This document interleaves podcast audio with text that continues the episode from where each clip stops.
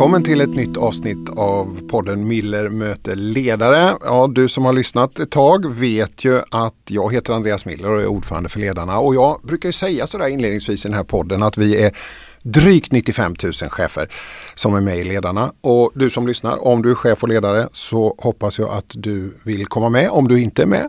Och här kan du utvecklas och bli en ännu bättre chef. I år så är det ju valår. Det kan väl ingen av oss ha missat. Och så den här säsongen av Miller möter har vi gjort en specialversion som vi kallar Miller möter politiska ledare. Vi har mött Annie Lööf, Johan Persson, Ida Karkiainen och, och några till. Och Dagens gäst är inte en politisk ledare, eh, men hon forskar på politiskt ledarskap med ett starkt fokus på politik och relationer. Jag tänkte prata med henne om hur hon ser det politiska ledarskapet omkring samarbete, kompromiss och vilka skillnader man kan se när män bedriver ett politiskt ledarskap och kvinnor bedriver ett politiskt ledarskap. Är vi i ett jämställt land eller är vi det inte? Välkommen hit Jenny Madestam, tidigare docent ja. på Södertörns högskola ja. och nu på mm. Försvarshögskolan. Ja. Du det där med Försvarshögskolan, mm. det mm. studsade jag lite på mm. när jag såg att du jobbade. Varför absolut. sökte du dig dit? ja det är en bra fråga. Därför att jag är på en uh, institution som för ledarskap och ledning. Så det är mina kollegor och jag är alla ledarskapsforskare. Så det var det som jag var sugen på, att vara i en sån miljö. I kombination med att Försvarshögskolan har det här unika med att det är både profession och akademiker som gör utbildning och forskning tillsammans och det är väldigt spännande. Mm. Men forskar ni bara på militärt ledarskap eller forskar ni på mm. alla typer av ledarskap? På alla typer av ledarskap men det är klart att det finns ju ett fokus på sektorn säkerhet, krig, kris eh, i, i mycket av det som görs, absolut. Mm. Men eh, vi, tror att de också ville bredda sig lite och få in andra perspektiv och just eh, det offentliga ledarskapet generellt står också i fokus. Mm. Men är det så då när Ukraina-krisen är nu så blir det extra mycket fokus på att titta på vad är det för typer av ledarskap? Mm, ja men definitivt och jag menar Zelensky, Putin, det är många väldigt centrala ledarfigurer. Eh, så att det har ju gjort att det är många från Försvarshögskolan som vi har sett och hört som också pratat ledarskap. Mm. Jag vet att vi kommer att prata en del om kläder mm. Eh, och kvinnor och politiskt ledarskap eftersom mm. vi ska prata om din bok mm. Maktens kvinnor. Men vad tänker du om att Zelinski alltid uppträder i t-shirt? Mm.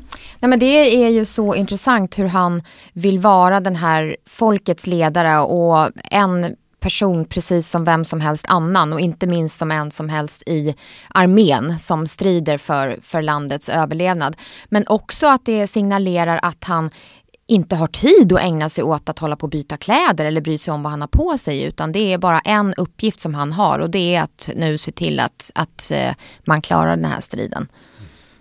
Ja, du är ju inte en politisk ledare men du har forskat mm. mycket just på den typen då av ledarskap. Eh, vad är det som har gjort att du har börjat intressera dig för det politiska ledarskapet? Ja, det går ganska långt tillbaka. Jag är ju eh, notoriskt intresserad av politik. Och jag växte upp i ett eh, samhällsintresserat hem. Eh, båda mina föräldrar eh, arbetade nära politik och var också lite engagerade politiskt. Eh, sen började jag läsa statsvetenskap och eh, fick ju då grotta ner mig i, i politik och inte minst svensk politik och började titta på det här med partiorganisationerna och vad det är som gör att människor vill vara med i en partiorganisation. Och då skrev jag en gång i tiden en C-uppsats och där jag såg att det här med ordförandeskapet i en liten lokal partiförening faktiskt tycks spela roll för om föreningen får mer medlemmar och hur vital den är och så vidare. Och det var faktiskt det som ledde vidare till att jag sen fortsatte att intressera mig för just det politiska ledarskapet. Oerhört intressant. Jag tänker, mm. vi pratar jättemycket om ledarskap och här mm. visar du hur ledarskap gör skillnad. Exakt så. Det, ja. mm. Du, de som lyssnar kanske vill veta lite mer om dig sådär i en ja. typisk faktaruta. Ja, ja. Vi låter dem höra den nu. Okej. Okay. Jenny Madestam är statsvetare och verksam som docent vid Försvarshögskolan. 2009 disputerade hon vid Stockholms universitet där hon fokuserat på politiskt ledarskap och partiledarskap med frågor om hur den ideala ledaren ser ut, liksom vem som blir politisk ledare och hur. Hon forskar även om sociala medier och politiskt ledarskap, liksom delat ledarskap i skolans och partipolitikens värld. Jenny har skrivit flera böcker, bland annat Hur blir man vald? om partiledarskiften i tre svenska partier och boken Maktens kvinnor. Ja Jenny, du har sagt i olika intervjuer som jag har läst innan mm. Mm. Eh, att du skulle ha kunnat bli psykolog. Ja. Men du valde alltså forskarspåret. Mm. Va, vad var det där med psykologin? Har du liksom använt dig mm. av det sen in i forskningen? Nej, men absolut, jag är ju också, det är politik och samhällsfrågor eh, men jag är också väldigt intresserad av relationer mellan människor. Och det, relationer och, och också naturligtvis det, det mäns, mänsklighet, hur människan är, är ju enormt relevant när vi pratar om ledarskap och definitivt när vi pratar om ledarskap inom politiken. För det handlar ju om också relationer, att bygga upp ett förtroende som ju handlar om att ha relationer till människor. Så att det, det är väl på det viset och sen är jag allmänt väldigt nyfiken på människor och det är väl också någonting åt det. Din mm. mamma var väldigt relationsorienterad va? Ja, absolut. Ja, spännande spännande att du känner till det. Nej, men hon är ju eh, socialarbetare och ja. sen också bedrivit ett, ett eh, ett behandlingshem eh, och jobbat i, i socialtjänsten och så vidare. Så att eh, ja, nej definitivt. Så att jag har väl fått med mig det hemifrån också. Mm. Det här att båda föräldrarna var politiskt aktiva, ja. vad betyder det? Ja, men det betydde mycket eh, därför att eh, när jag var eh, liten så fick jag hänga med på möten i politisk nämnd klockan åtta en onsdagkväll och satt och sov där med de andra då, okay. vuxna som satt och diskuterade olika kommunbeslut som skulle fattas. men också att min pappa, han jobbade faktiskt också i i regeringskansliet som opolitisk tjänsteman eh, under eh, både borgerlig och eh, socialdemokratisk regering. Och det var också någonting som jag fick se, komma in på industridepartementet som det hette på den tiden. Och, Eh, men jag hade liksom att politik har funnits som en naturlig del mm. och eh, därför har det inte varit främmande för mig. Så det tror jag har spelat roll. Mm. Mm. Du, vi ska ju framförallt prata om din bok mm. Maktens kvinnor i det här avsnittet. Det är ju en bok om kvinnor som är eller har varit partiledare i Sverige. Eh, och vi ska prata ganska mycket om det. Men, jag bara ska, vad är det som gör att du just valde att skriva om maktens mm. kvinnor? Därför, ja det är flera saker. För det första så handlar det om att jag har ju studerat politiskt ledarskap under så många år och att titta på politiskt ledarskap och ledarskap kanske generellt så är det svårt att undvika faktorn kön att det, det, spelar roll och inte minst i politikens värld. Bara det här med att huruvida man kan avancera till en topposition eller inte har varit svårare för kvinnor. Men också när jag har eh, haft den här förmånen att vara politisk kommentator så har jag dels sett de här figurerna på nära håll, eh, inte minst våra toppolitiker och också sett det här också hur de framställs i media på olika vis beroende på deras kön.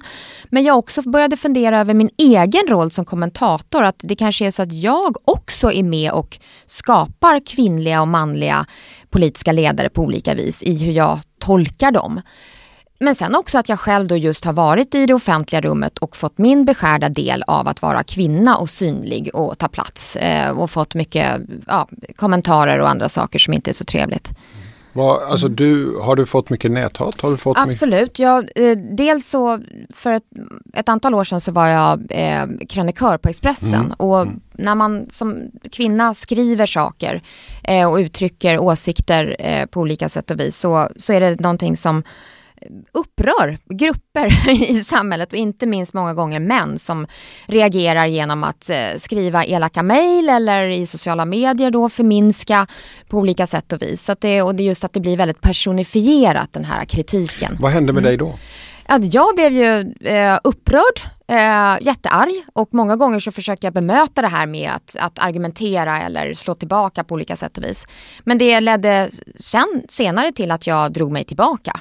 Eh, till exempel så har jag lämnat Twitter, för det är ett sånt ställe där det var enormt hårt eh, klimat eh, och det tycker inte jag är något trevligt. Så att, mm. det, det mm. tärde ner dig mer än det gav? Absolut, absolut, definitivt. Men sen är det också, jag ska bara säga det att Eh, åren, erfarenhet och ålder är någonting också som är, gör en gott skulle jag vilja säga. För att eh, under årens lopp så har jag ju blivit mer och mer att inte ta åt mig den här typen av kommentarer. Mm.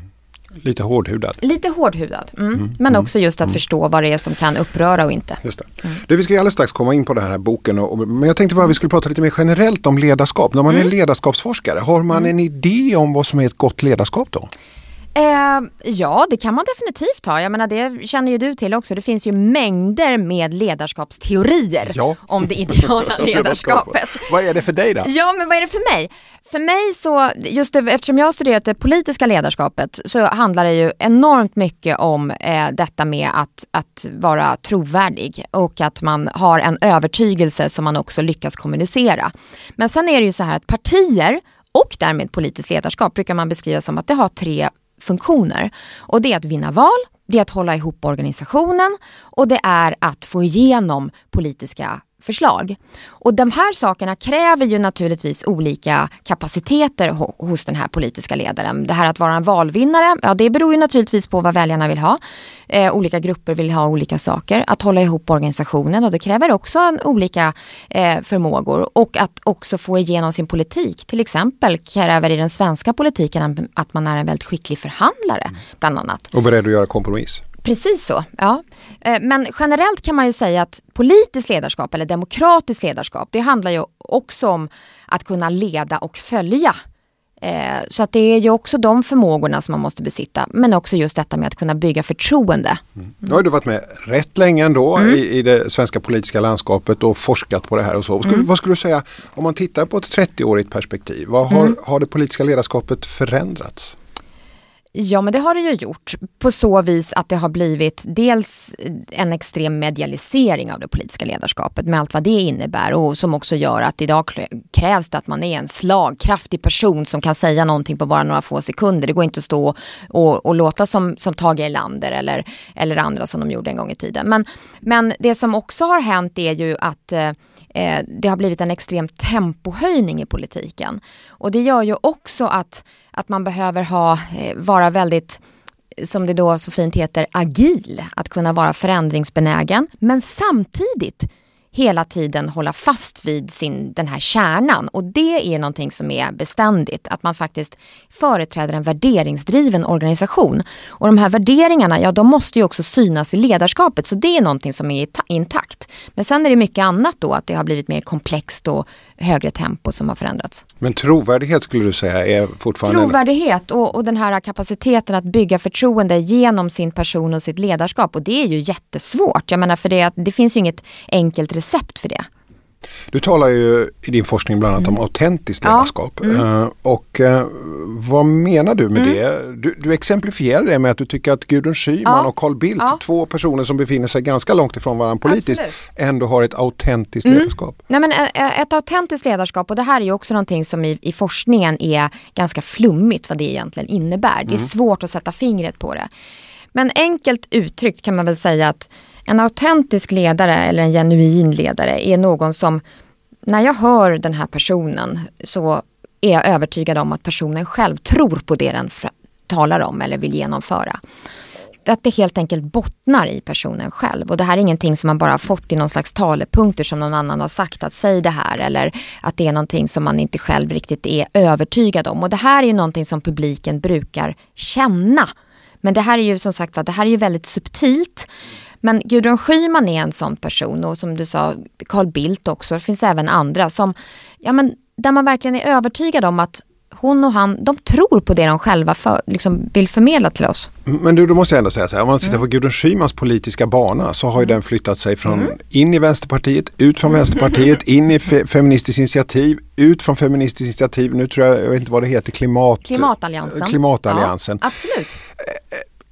Klarar ett politiskt ledarskap Mm. en sån resa och fortfarande vara autentiskt? Jag skulle säga att det gör det, därför att det handlar ju om att det du just nu står i, de, för, de värderingar som du är övertygad om nu, det handlar ju om att förmedla dem. Sen om de har förändrats, ja då måste man ju ha förmågan att naturligtvis kunna förmedla det. Men Gudrun Schyman, där är det väl ett exempel på att det nog mer har lagts lager på lager i vad hon står för, än att det faktiskt är så att hon har bytt från ena dagen till en annan. Och det, det gör att det blir övertygande, att man är, tvivlar inte på att hon fortsatt är feminist och, och eh, eh eh, vänsterorienterad och nu också då eh, klimataktivist.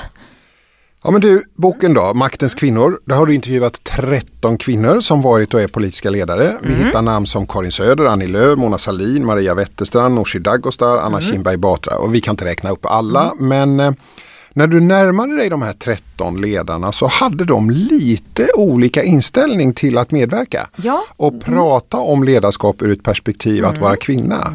Vad mötte du för olika attityder? Ja, jag mötte generellt då, eh, majoriteten av dem var väldigt eh, positivt inställda och, och, kände att det var nästan som att trycka på en knapp att få prata om sina erfarenheter. Vilket förvånade mig lite. Men eh, det ska sägas att eh, vad heter det?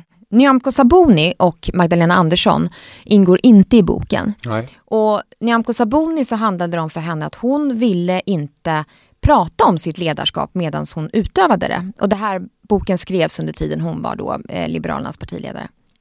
Magdalena Andersson var väldigt ny Eh, hon hade suttit i, i två veckor när jag skickade iväg manus så att det fanns inte tillfälle. Men jag läste någonstans att du ja. hade bokat in en intervju med henne. Ja, jag hade faktiskt det. Men, men det, det blev inte så sen. Hennes schema blev för späckat Det kanske kom en NATO-ansökan emellan. Det kan ha varit så. Men jag hoppas på att i, upp, i andra upplagan så får jag ta med de här kvinnorna. Men en person ja. som stack ut lite det var ju Isabella Lövin, ja. Miljöpartiets språkrör. För att hon var ju väldigt skeptisk till detta. Hon menade på att att skriva en bok om kvinnors ledarskap utifrån en könsaspekt är att göra kvinnor en otjänst.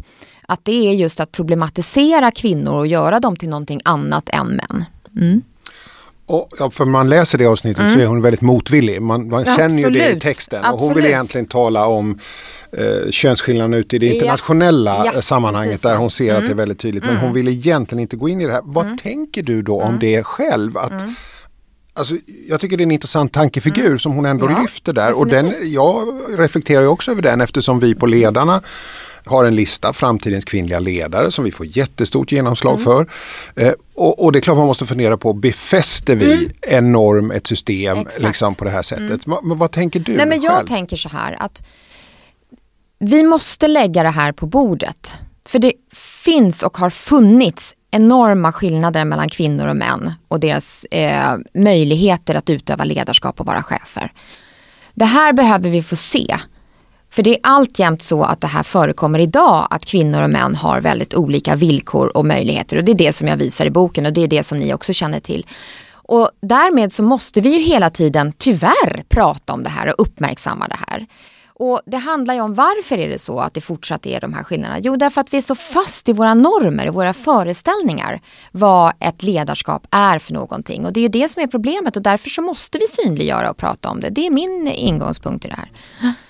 Jag upplevde också att Anna Kinberg Batra egentligen ur en ideologisk politisk ja. hållning mm. egentligen inte ville tala om Nej. könsaspekten därför att hon ville titta på kompetens och mm. individ mm. ur, så att säga, ja, ur, ur, sina moderata rötter. Ja. Men ändå. Tyckte hon sen att det var viktigt att ja, prata kön? Ja, och Anna Kinberg Bata, det är jätteintressant eftersom hon just eh, är, företräder ett parti där identitetsfrågor är som ett rött skynke. Eh, så är det ändå intressant hur hon, både i den här boken men i sin egen bok och på andra ställen har pratat om och just könsaspekten och hur den la sådana enorma krokben för henne. Och just att det också har ju varit svårt för henne att att kanske liksom, just Moderaterna att lyfta fram det här. För där är det här, det ska inte spela roll. Men hon är ju ett lysande exempel på att det, det spelar roll. Mm. Ja, de här kvinnorna då, de har ju polit, väldigt olika politiska hemvister. Mm. Uh, jag noterade att det var ingen sverigedemokrat. Nej, Därför att jag har ju då Partiledare. partiledarna ja, är det som förlåt, är fokus. Det var ju, ja. ja, har du helt rätt i. Men däremot så har jag blivit uppmärksammad på att vi hade ju faktiskt då eh, kvinnlig partiledare eh, under en väldigt, väldigt kort tid för Ny Demokrati, Harriet Colliander. Ja, eh, så att det är väl också någonting jag får ta med mig till, till nästa upplaga. Ja, där, där, hade du en poäng. Du, men det, mm. det är som sagt var skild, skilda politiska hemvister. Men ser du några gemensamma erfarenheter hos de här 13 kvinnorna? Ja men gud, alltså det är det som allting kokar ner till. Det är väldigt mycket liknande berättelser som framkommer. Oavsett om vi pratar Karin Söder som var partiledare i mitten på 80-talet fram till då Ebba Busch som är nuvarande eh, sittande för Kristdemokraterna. Om vi skulle börja titta på hindren då. Mm. Vilka är det hinder som de här mm. kvinnorna har mött? Hindren handlar om dels att svårigheterna att överhuvudtaget bli valda att komma i anspråk har för vissa varit en lång resa och där det också har handlat om att man för att man ska avancera, det är så att svenska partier är ganska stränga organisationer, alltså de är ganska kollektivistiska och de kräver att man har funnits med länge i organisationen för att sakta men säkert avancera upp till toppen. Och det har ju generellt varit lättare för män som då inte har varit hemma och tagit hand om hem och familj. Så att för de här kvinnorna har det som ändå har gjort den här karriären så har det till exempel krävts att man har levt jämställt hemma.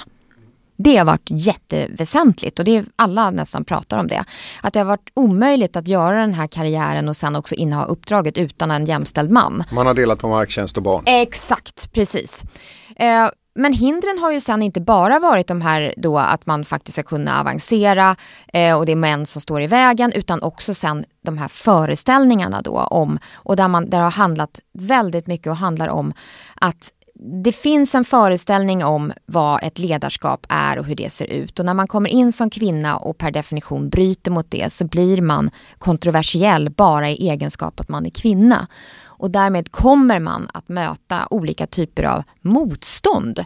Eh, och det är inte från bara omgivning utan även internt i partiet så handlar det om till exempel att man blir ifrågasatt eh, i olika beslut man vill ta om hur organisationen ska drivas eller någonting annat som en man då inte har blivit på samma vis. Du, hur viktigt har det varit för dem att någon har pushat dem? Att det har funnits någon som har trott på dem? Mycket viktigt. Och det är ju också någonting som lyfts fram, att vikten av eh, förebilder men också av att det har funnits personer som har, har liksom burit, hjälpt till att bu, bära fram. Men också öppnat dörrar. Och det kan ha handlat om nätverk och nätverk generellt är extremt viktigt i partier. Men också att det har funnits till exempel en chef Eh, Mona Sahlin är ju en sån som pratar ofta om hur viktig Ingvar Carlsson har varit för henne, för han har trott på henne och givit henne olika positioner. Som har, är extremt viktigt att det finns en sån person och då har ju ofta de här figurerna varit män då som har bidragit till att öppna dörrar för kvinnorna. Hur skulle du säga, hur har de här kvinnorna eh, kan man tala generellt om hur de har förhållit sig till män i de här organisationerna för att nå sina positioner? Ja, det är svårt att svara på det så generellt. Eh, men eh, jag menar som en person som Anna Kinberg Batra, hon pratar ju till exempel om att, att eh, hon har varit duktig på att, att samarbeta med män i hennes parti. Och det gynnade också henne för att kunna göra en karriär. Eh, så att bara eh, inta en, liksom en, en, eh, en position mot eh, män, det går inte eftersom partierna också har varit eh, till stora delar styrda av män. Men det ska ju också sägas att det har ju också hänt mycket så det är väldigt svårt att generalisera det här. En person som Karin Söder beskriver ju hur Torbjörn Fälldin var väldigt, väldigt viktig för han valde ju henne till Sveriges första utrikesminister någonsin eh, i slutet på 70-talet och det var ju någonting som var unikt då. Och när han har fått frågan om varför gjorde han det? Hur kom det sig att han valde en kvinna och som ju då var unikt? Ja, då svarade han Ja, han tog den som var bäst. Så att i hans värld så var, handlade det inte om kön utan det handlade om den som var bäst lämpad och kompetent. Mm. För det är också en intressant aspekt som du lyfter i boken tycker jag. Det handlar ju om så att säga synen på kvinnan i de här folkrörelserna ja. och att Centern och jordbruk och ja. bondesamhället har haft en mycket, vad ska jag säga, på ett sätt i alla mm. fall jämställdare mm. syn mellan män och kvinnor. Mm. På en bondgård så hjälps man åt och, och man har olika uppgifter och sådär. Medan arbetarrörelsen har haft mycket mer av ett hemmafru-ideal ja. historiskt som man har mm. odlat. Eh, hur, hur stor roll har det där spelat? Ja, det är ju svårt att, att, svara på liksom i någon slags kvantitativa termer så eller, ja, eller så. Ja. Men jag skulle säga att det har spelat roll och inte minst Centerpartiets unicitet i att man har haft eh, flera kvinnor som partiledare. Man var först med att ha en kvinna som utrikesminister. Och just det som, det är flera av de här kvinnorna då, både eh, Maud Olofsson, Annie Lööf och även Karin Söder lyfter fram det här och även några andra av de kvinnorna som jag intervjuat, att Centerpartiet eller bonderörelsen som du säger, att där, det finns någonting som går tillbaka till rötterna. Det som du är inne på att, att, i, på att i ett lantbruk så är kvinnan och mannen jämlika. De kanske inte var jämställda men de hjälptes åt i, i produktionen. som ju då har gjort att kvinnor har blivit viktiga. Man måste lyssna på dem och därmed är det inte så konstigt att en kvinna kan ha en ledande position. I Socialdemokraterna Eh, så när vi fick det moderna samhället så ville man att kvinnan skulle vara hemma eh, eftersom kvinnor ofta hade haft väldigt tunga yrken tidigare.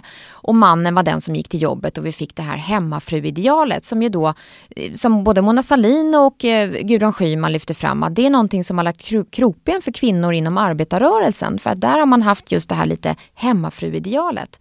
Så det här är intressant för det här är ju saker som sen har levt kvar. Och inte minst Centerpartiet där de här kvinnorna som har haft ledande positioner har blivit viktiga förebilder för andra kvinnor. Mm.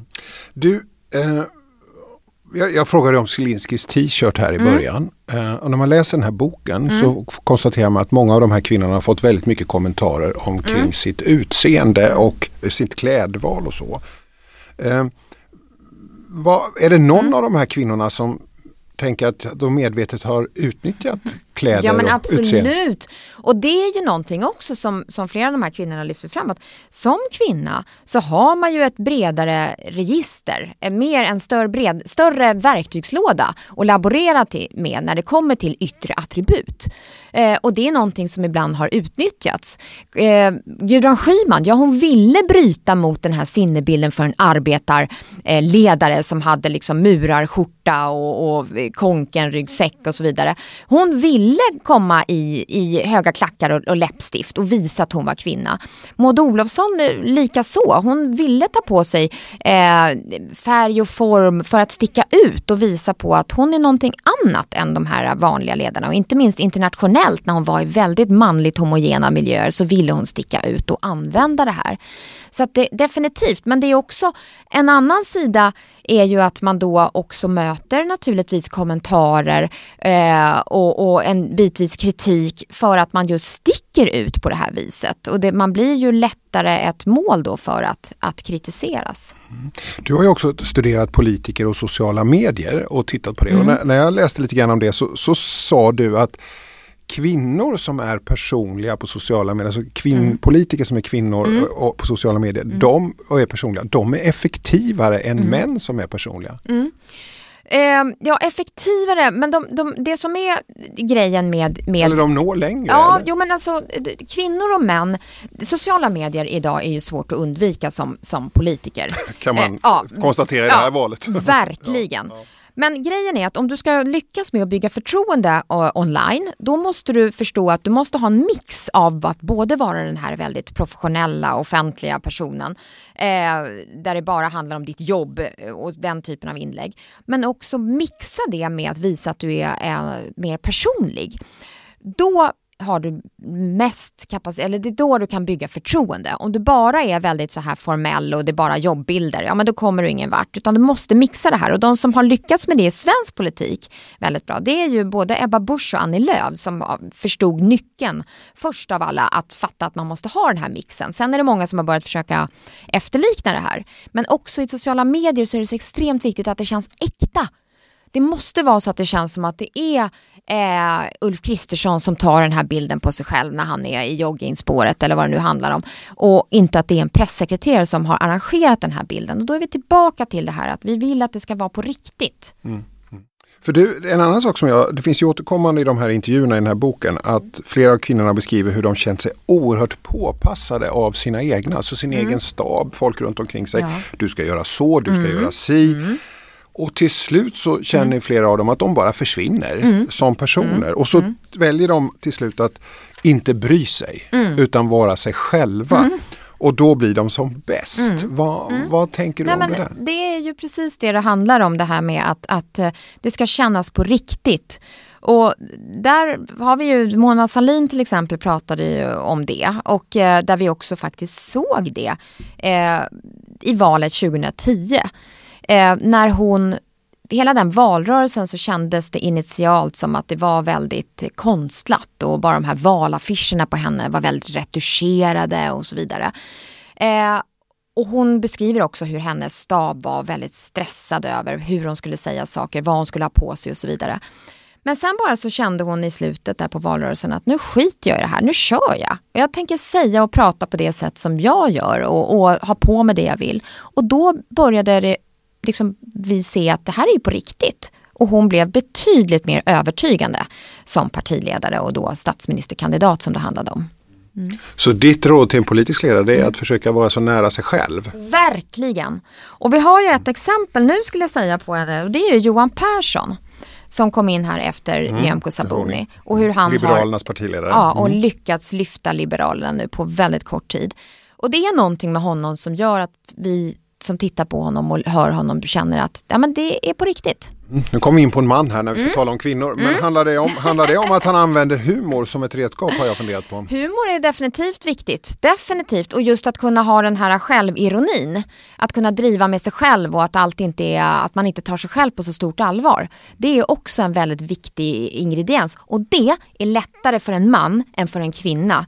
Därför att om en kvinna gör det så kan det direkt tvärtom väcka kritik. Du, det finns ett väldigt aktuellt samtalsämne runt flera bord tror jag. Det är mm. Sanna Marin. Ja. Eh, alltså den social socialdemokratiska eh, mm. partiledaren och mm. tillika statsministern i Finland som mm. var på en privat fest. Ja dansade, levde mm. eh, och, och, så. Och det har blivit väldigt diskuterat mm. hur, eh, hur media hanterat det här och mm. kan en statsminister göra det här och så inte. Mm. Vad, vad, tänker du med ditt forskaröga mm. och de här maktens kvinnor och reaktionerna på den här ja. händelsen?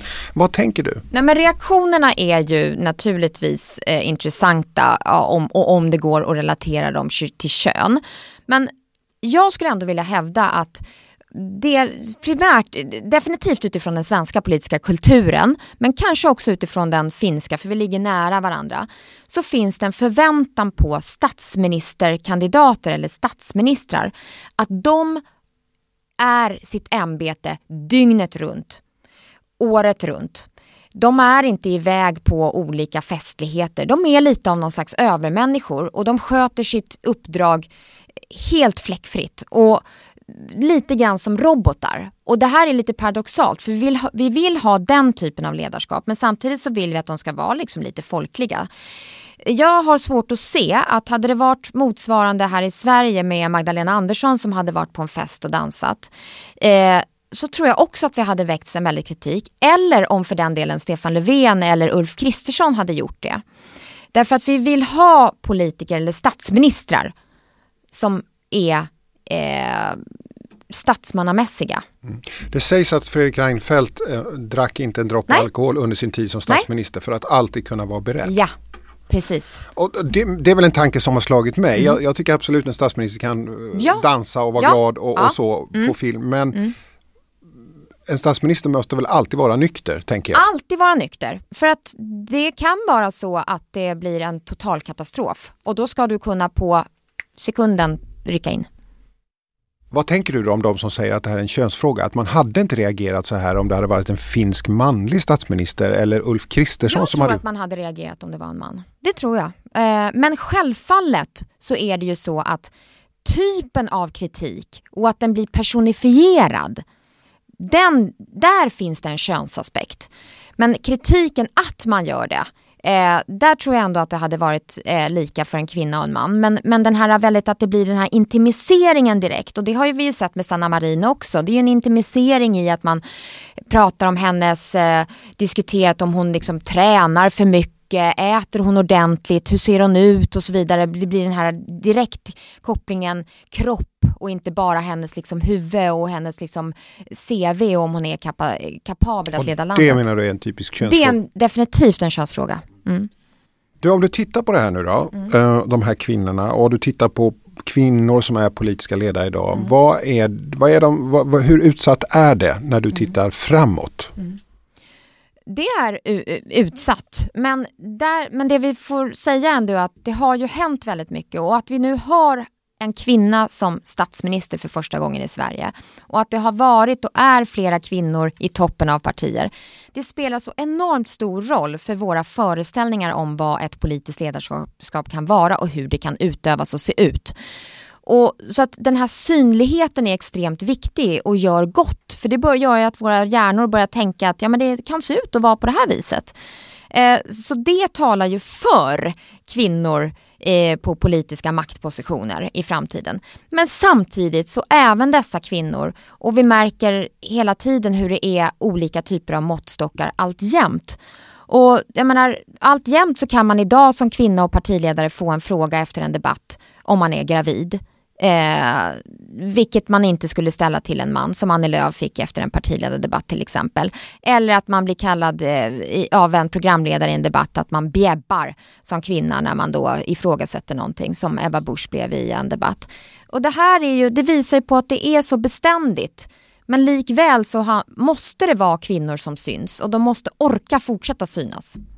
Du som forskare då, de här 13 mm. kvinnorna, det forskas mm. ju också på det här. Mm. Uh, finns det, faller de här kvinnornas berättelse inom ramen för forskarnas iakttagelse eller ser du, har du sett nya saker? Mm. Nej, men jag skulle vilja säga att väldigt mycket av det här är ju sånt som ändå är, är väl belagt i forskning.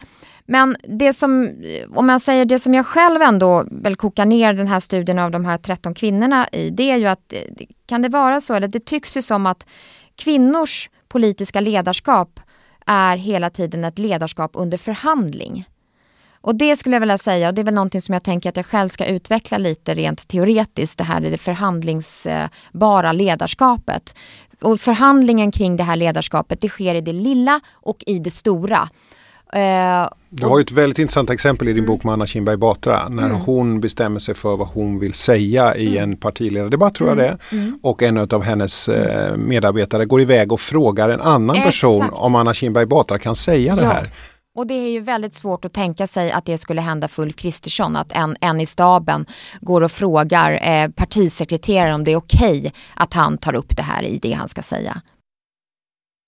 Det var en väldigt tydlig bild tycker jag. En väldigt tydlig bild. Eller för den delen Mona Salin som bestämde sig för att nu ska vi driva valrörelse med bara Miljöpartiet 2010 och hon får eh, väldigt stora delar av arbetarrörelsen emot sig och hon tvingas sen att backa från det här beslutet och ta in Vänsterpartiet den som skulle vilja vara lite djävulens advokat då kan mm. säga så här, hade hon gjort fotarbetet innan hon mm. tog det beslutet? Nej men absolut, absolut. Det är ett fullgott eh, liksom, motargument. Men man kan ju också göra då den hypotetiska eh, kontrafaktiska tanken, ja men hur hade det varit om, om eh, Göran Persson eller, eller Stefan Löfven hade fattat ett sådant beslut? Hade det lett till att han hade backat och sen faktiskt stått på en ny presskonferens tillsammans med Vänsterpartiets partiledare? Jag vet inte. Jag tror inte det. Nej, jag tror inte heller det. Nej. Så jag tror absolut det finns en mm. könsaspekt men mm. Eh, lite i min ja. roll som programledare ja, så måste jag också vrida och vända på saker. det är ju kul att vrida och vända på saker. Nej, men, och jag vill också säga det bara att någonting som är väldigt viktigt det är ju att, att de här kvinnorna Eh, är ju att de själva upplever ju att de eh, hela tiden eh, har en annan måttstock och det är andra typer av villkor. Men det är också dubbelt för de vill också själva vara någonting annat. De vill till exempel få vara mamma och partiledare. Och det är viktigt. De vill få vara stereotypt ibland kvinnliga och partiledare. Så de vill också vara någonting annat. De vill ju inte vara lika männen. Men problemet är just att när de vill vara någonting annat så accepteras inte riktigt det av oss som tittar och, och lyssnar på dem. Så vi har också en resa att göra att faktiskt eh, se det här, att Absolut. det är ett nytt landskap och Absolut. jobba med våra egna fördomar ja, och egna precis. bilder av vem som kan och ja. vill vara ledare. Det är ju något som vi jobbar med här jättemycket. Mm. jättemycket. Du, eh, vi börjar närma oss slutet av mm. den här podden. Eh, jättekul att prata mm. om det här med dig. Mm. Eh, du har tre egna barn, ja. vet jag. Mm. Och när, när, man läser den här boken på slutet så, så är du ju lite personlig. Mm. Det är inte bara det här eh, politiska. Du har också en tanke där att du vill att dina mm. döttrar ska mm. se något. Ja men absolut. Nej, men för mig är det så, och det var också en fråga som jag också ställde till partiledarna som jag intervjuade. Om du har en dotter, vilket ju flera har, eh, men vad vill du förmedla? Och du, om din dotter själv har tankar på att engagera sig i samhällsfrågor, vad vill du ge för råd? Och rådet handlar ju väldigt mycket om att, att våga vara sig själv och hålla fast i det trots att man möter det här. Man kommer möta motstånd. Men det som jag också tycker är så extremt viktigt och som jag var inne på förut det är ju att vi, det, att vi ser de här kvinnorna för det kommer att spela roll för min dotter och för andras döttrar att se att kvinnor kan ha ledande positioner. Så att man tänker att ja, men jag kan ju kanske också bli chef en dag eller kanske till och med statsminister just att det handlar om att vi måste själva reflektera över ja, men vad är det för tankar som kommer upp i oss när vi ser den här kvinnan på den här ledande positionen och börja liksom vara lite självreflekterande och kanske lite lägga band på oss också. Just när du och jag pratar så är det extremt jämnt i det här valet. Mm. Vi får väl se om det blir en kvinna som blir statsminister eller om det blir en man. Det mm. återstår att se. 11 mm. september är det valdag. Mm. Eh, Jenny Madestam eh, på Försvarshögskolan, mm. eh, forskar i ledarskap där. Väldigt roligt att du kom till ja. Miller möter ledare. Komma hit. Ja, mm. och tack till dig som lyssnade. Med det här samtalet så avslutar vi den sjätte säsongen av Millemöte ledare och politiska ledare. Men vi kommer snart igen med en sjunde säsong så håll ögon och öron öppna. Tack för idag!